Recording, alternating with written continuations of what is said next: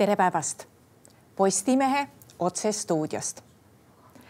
eelmisel nädalal ilmus prokuratuuri aastaraamat, mis muuhulgas rääkis hästi palju korruptsioonist ja sedapuhku ka korruptsioonist meditsiinisektoris.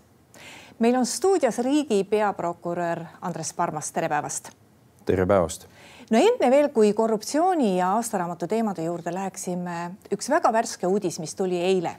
nimelt politseiniku tapja Romeo Kalda, kelle puhul oli tulnud alguses esias, esimese astme kohtust õigustmõistev otsus selles mõttes, et ta oleks saanud äh, teatavatel tingimustel vanglast välja, siis eile tegi järgmise astme kohus, tuginedes ekspertiisile otsuse, et Äh, tema isikuomadused ei ole ikkagi sellised, et teda võiks vabalt ühiskonda lasta.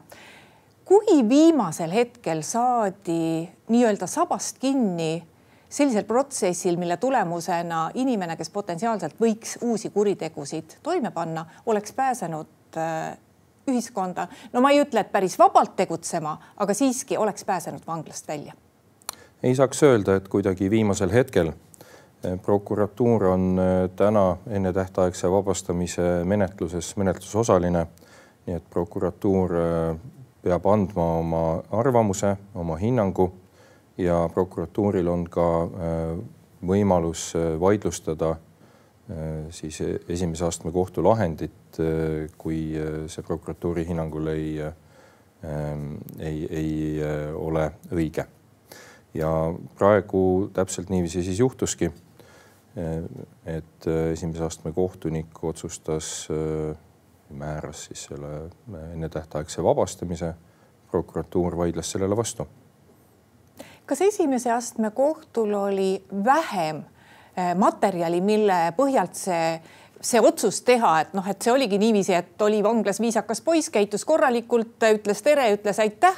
aga ma saan aru, et selle järgmise astme kohtu puhul oli vahepeal toimunud äh, mingisugune ekspertiis, mis võttis tema nii-öelda isikuomadused väga üksipulgi lahti peab ütlema, et see on laiem küsimus, et me ei räägi siin tegelikult üldse ainult Romeo kaldast, meil on hiljuti olnud veel teisigi juhtumeid, mis on põhjustanud ühiskonnas arusaamatust ja pahameelt, et mispärast inimesi ennetähtaegselt vabastatakse, mispärast näiteks mingisugustel juhtudel prokuratuur ei ole ka vaidlustanud.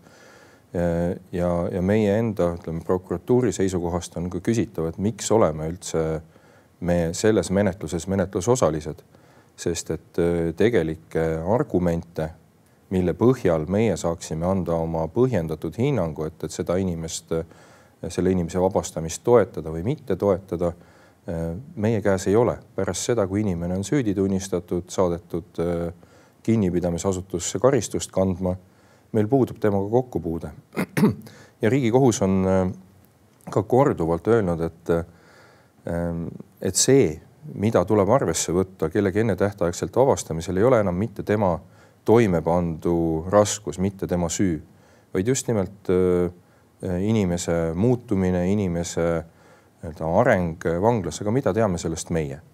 nii et, et selles mõttes prokuratuur äh, noh, ta võib siin äh, nii-öelda pimedasse tuppa palle loopida, äkki mõni läheb korvi ka.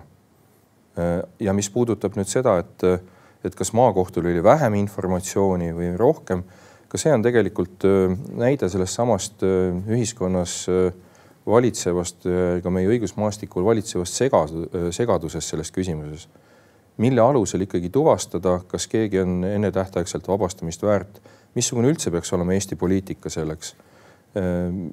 kas see peaks olema rangem, kas see peaks olema suur erand et kedagi ennetähtaegselt vabastatakse, eriti veel väga raskeid kuritegusid toime pannud isikuid. kas peaks olema kuritegusid, mille puhul me äh, ei võta seda üldse arvesse, et, et keegi võib olla muutunud, me ei anna andeks lihtsalt äh,. ennetähtaegse, tähtaegse vabastamise üks äh, olulisi kriteeriume ongi see, et inimene on muutunud, et tema puhul puudub edaspidi kuritegude toimepanemise risk. aga mis siis, kui äh, see risk ongi null et riigireetja ei saa teist korda enam riiki reeta, ta ei pääse lihtsalt kuhugi sellise informatsiooni ligi, ta ei pääse niisugustele ametikohtadele ja, ja nii edasi. aga miks me peaksime lihtsalt kellelegi nii-öelda piirdume siis sellise, et natukene tegime sulle siin aita-aita ja nüüd anname kõik andeks, oleme sõbrad edasi. minu arvates pole see õige. ja täna lihtsalt meie õigusmaastikul puudub sellest selgus ja see ekspertiis, seda oleks võinud teha Roomeo kaldale ka maakohus. Mm, et, et see juhtus ringkonnakohtus, see mõnes mõttes ongi ringkonnakohtu poolne äh, selline innovatsioon. ei ole selline asi keelatud, aga seda ei ole varem äh, tavapäraselt äh, ennetähtaegse vabastamise otsustamisel ette võetud. Ja ma ütleks, et ka seesama juhtum näitab, et, et et see võiks olla mõnes mõttes tervitatav äh, innovatsioon. samas ei tasu ära unustada seda, et, et niisuguse ekspertiisi tegemine on töö ja ajamahukas ja see on kallis. ja see tuli ka sellest menetlusest välja, et, et ka, ka selleks on meil täna äh, normid ja reeglid ajale jalgu jäänud, äh, sest et kehtivate reeglite kohaselt oleks pidanud ekspert, kui nüüd mälu ei peta, selle töö eest saama sada kakskümmend viis eurot. Noh, selge see, et saja kahekümne viie euro eest ei ole võimalik tõsiseltvõetavat äh, ekspertiisi läbi viia no Romeo Kalda on ka noh, seda sorti kurjategija, keda just äh, meie õigussüsteemis nagu läbi käinud väga palju ei ole, et meil nagu selliseid äh, kuritegusid nagu tõenäoliselt ja, ja kes on ka ühiskonna noh mõte, ühiskonnal on ka väga tugev nagu eh, õiglustunne või siis ka ebaõiglustunne selles suhtes, mis temast edasi saab. muide, mis see meetod, see Oxfordi meetod, mida kasutati, seal välja töötatud meetod endast, endast kujutab? Äh, kahjuks ma jään teile vastuse võlgu, et, et äh, ma olen küll sellest ekspertiisist ka äh, silmad üle libistanud, aga, aga ei, ei ole pädev teile lahti seletama, mida see täpselt tähendab, et et, et noh, iseenesest millest jutt käib üldjoontes on, on siis inimese retsidiivsuse hindamine ehk siis selle hindamine, et, et missugustel asjaoludel või kui tõenäoliselt võib ta uuesti toime panna kuriteo või siis, või siis ka võib-olla raske ja vägivaldse kuriteo.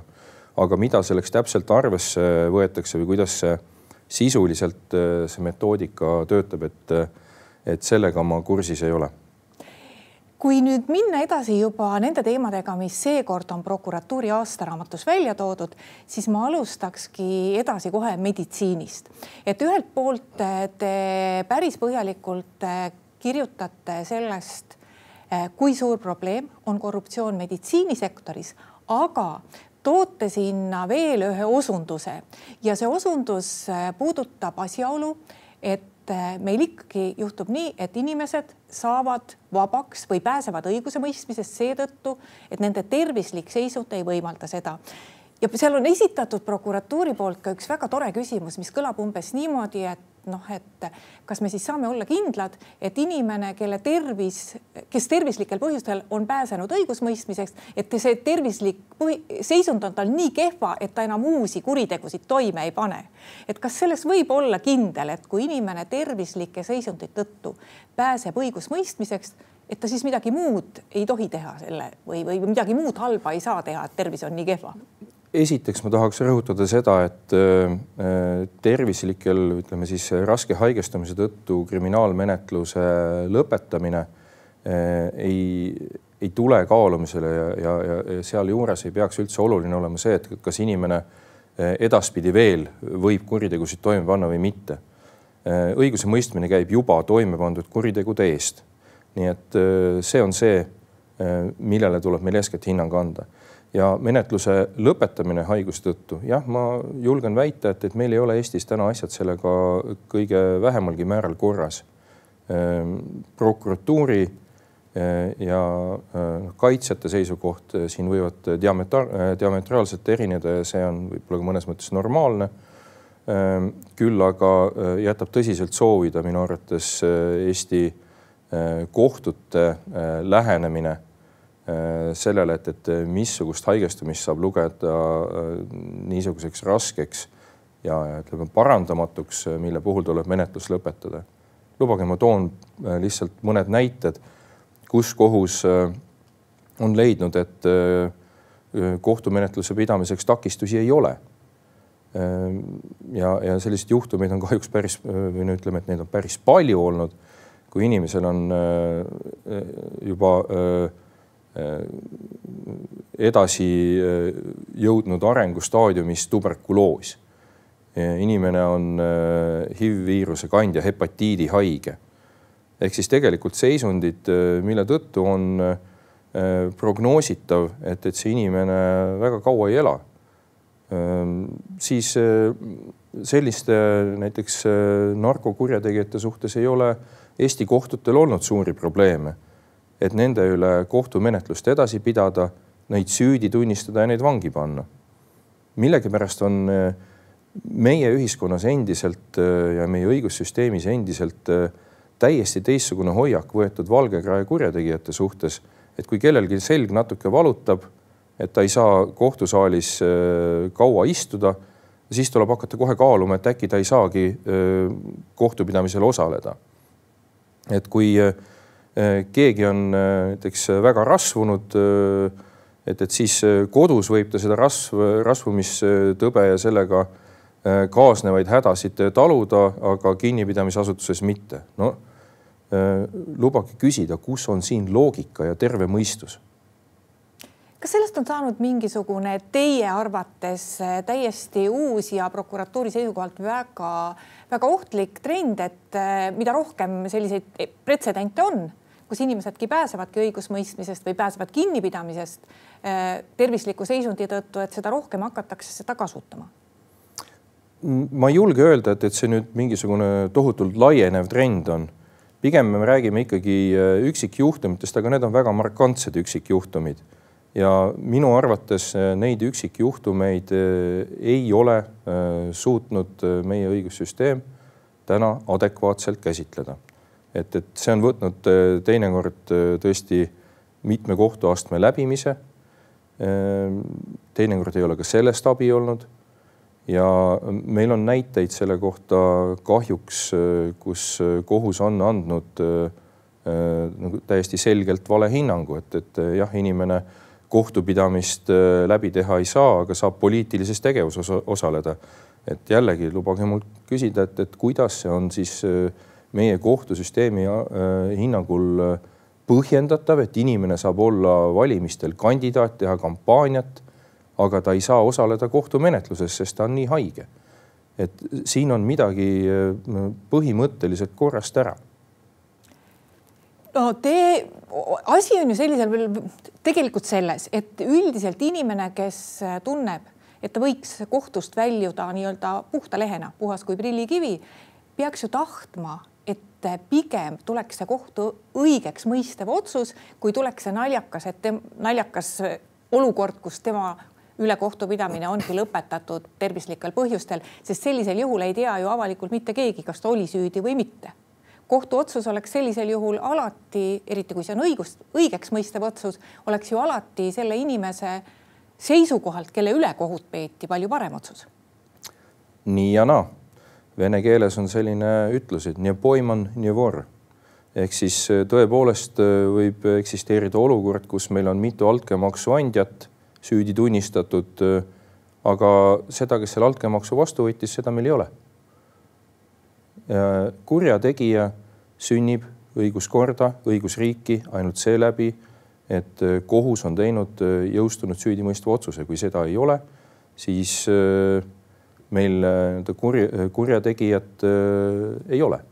ja võib tõesti olla siis niiviisi, et, et inimese jaoks on olulisem ükspuha mis vahenditega pääseda sellest nii-öelda negatiivsest äramärkimisest Ehm, kui, kui siis nii-öelda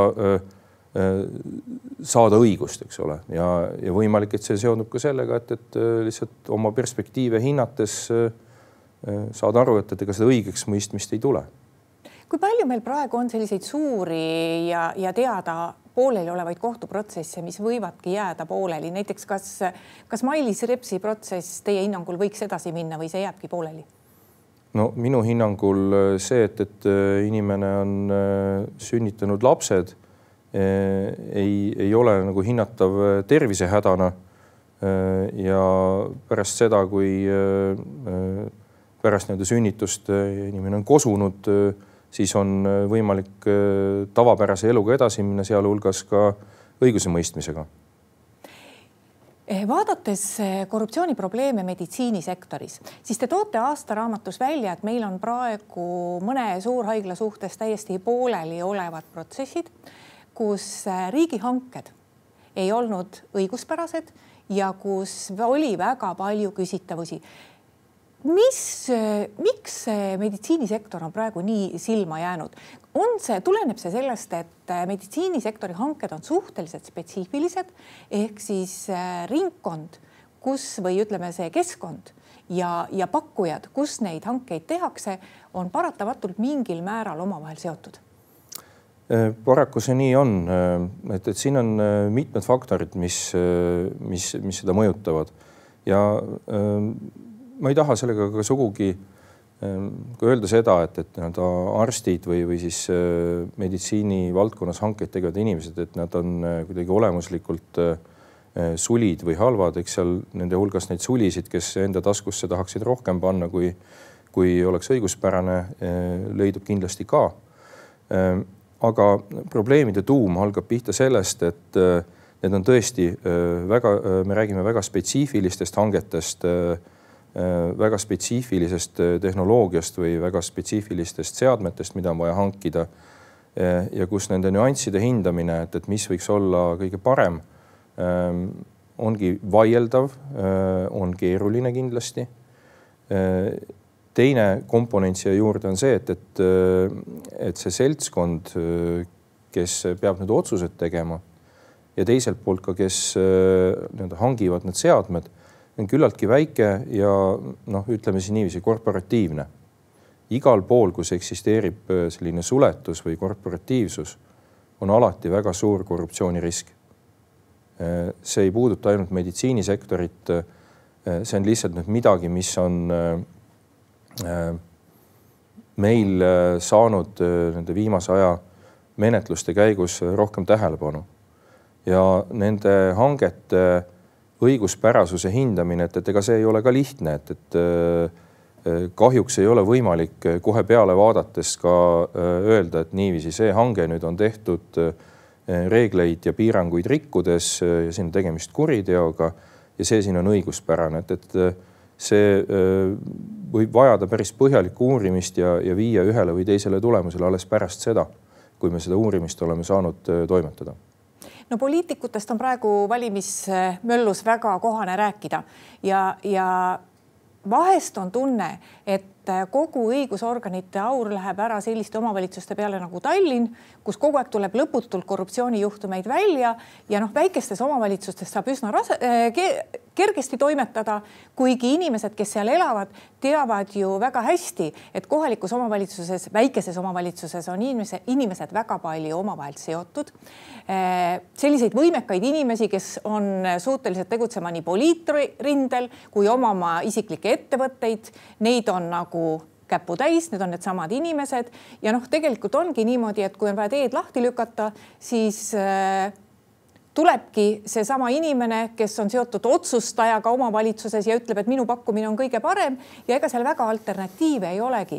et kas õigusorganitel ja kui palju üldse jätkub aega, et heita pilk peale, mis toimub väikestes omavalitsustes? loomulikult äh, on see probleem laiem äh, ja ei äh, puuduta ainult Tallinnat või Tartut Äh, vaid ka kõiki teisi omavalitsusi Eestis, et, et nagu ma ütlesin, et igal pool, kus on mingisugune selline suletud ja korporatiivne äh, asjaajamine äh, või, või süsteem, niisugused probleemid tekivad. Ja eks need omavalitsused, omavalitsuspoliitika ja, ja kohaliku ettevõtluse seosed kipuvad samasuguseks, inimesed tunnevad üksteist, neil on sama taust, nad on samas jahiseltsis ja nii edasi.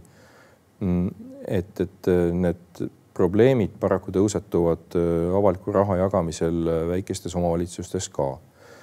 Äh, ei saaks öelda, et me ei suuda õiguskaitse mõttes nendel asjadel nüüd üldse silma peal hoida, suudame ikka. et suudame ka teinekord võib-olla mitte nii kiiresti, kui tahaks või, või oleks avaliku raha seisukohast kasulik käe vahele panna, takistada äh, ja läbi viia äh, vajadusel kriminaalmenetlusi. aga minu arvates kõige olulisem on siiski see, et me oleme olnud üsna edukad selles, et teadvustada inimeste teadlikkust tõsta ja ühiskonnas suhtumist korruptiivsesse käitumisse muuta. ja teine aspekt, mida ma tahaksin rõhutada, on see, et, et ka korruptsioonivastases võitluses ei ole meie esimene või ainukene relv malakas. ehk siis see, et, et me nüüd ootame ära, et keegi paneb toime kuriteo või et, et kui ka mingisugune rikkumine on toimunud, siis esimese asjana me lähme kohe karistama. vaid ka siin toimib selgitamine, toimib see, et palun lõpeta, kutsuda üles lõpetama väärkäitumist ja korruptsioonivastases seaduses on tegelikult ette nähtud ka teatud võimalused selleks, et just nimelt see, mida te mainisite, et aga sageli ei olegi ju alternatiive, et aga mida ma siis teen, et minu pisikeses vallas tuleb ju ka teed puhtaks lükata. kas ma hakkan Tallinnast kuhugile Pärnu kolkasse palkama suurt ettevõtet rahvusvahelise hankega, et ta lükkaks minu viisteist kilomeetrit teid ja tänavaid puhtaks, no see on ju, on ju jama sellisteks olukordadeks on võimalik ka nii-öelda siis neid toimingupiiranguid iseenesest mm, riivavaid praktikaid rakendada. selle juures on kõige tähtsam see, et see toimuks avalikult.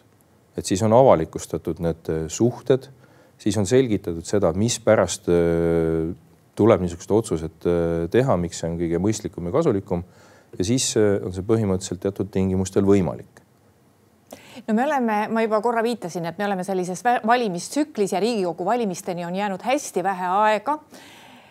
Ja loomulikult erakonnad teevad kõik, et äh, ise väga tore näha välja ja, ja teisele midagi kaela tõmmata ja mis võiks olla veel parem, kui enne, vahetult enne valimisi konkurendile tuleb ka kaela mingisugune kriminaalasi. kas erakonnad üritavad, äh, ütleme niimoodi vastast mustates kaasata sellesse protsessi ka õiguskaitseorganeid. kas teile üritatakse tuua nii-öelda komprat vastaste üle, et vaadake, hakake uurima, piisab sellestki, kui kellegi kohta tuleb sõnum, et noh, prokuratuur on tema suhtes ühe või teise asja pärast uurimisi algatanud. on selliseid katseid? no ma arvan, et, et kui meenutada alles päris hiljuti eh, meediast läbi käinud juhtumeid, siis, eh, siis on vastus ju ilmne, et eh, tõepoolest Eestis püütakse muuhulgas ka konkurenti mustata ja, ja konkurendi suhtes äh, eelispositsiooni saavutada seeläbi, et rakendada riigi õiguskaitseorganeid siis nii-öelda oma valimisvankri ette. ma julgen küll öelda, et, et, et see ei ole läinud Eestis mitte kunagi läbi. jah, see on olnud meile mõnes mõttes ebameeldiv ja, selline tüütu töö või kohustus äh, selgitada, miks me siis mingisuguseid menetlusi äh, alustame või mingisugustel juhtumitel menetluse alustamata jätame. aga see ongi meie töö ja töö ei peagi alati olema lust ja lillepidu, nii et, et ähm, et minu arvates oluline siin ongi just nimelt äh, see, et, et Eestis on ametiasutustel võimalik enda pädevuste piirides äh, ilma äh, hirmuta vabalt äh, ja äh, professionaalselt tegutseda. ja, ja selles osas ma täna õnneks Eestis äh, mingisuguseid suuri probleeme ei näe. aitäh, Andres Parmas ühinemast meie saatega. tänan. ja aitäh ka kõigile neile, kes meid vaatasid. meie järgmine otsesaade on eetris juba homme. seniks lugege uudiseid postimees.ee. thank you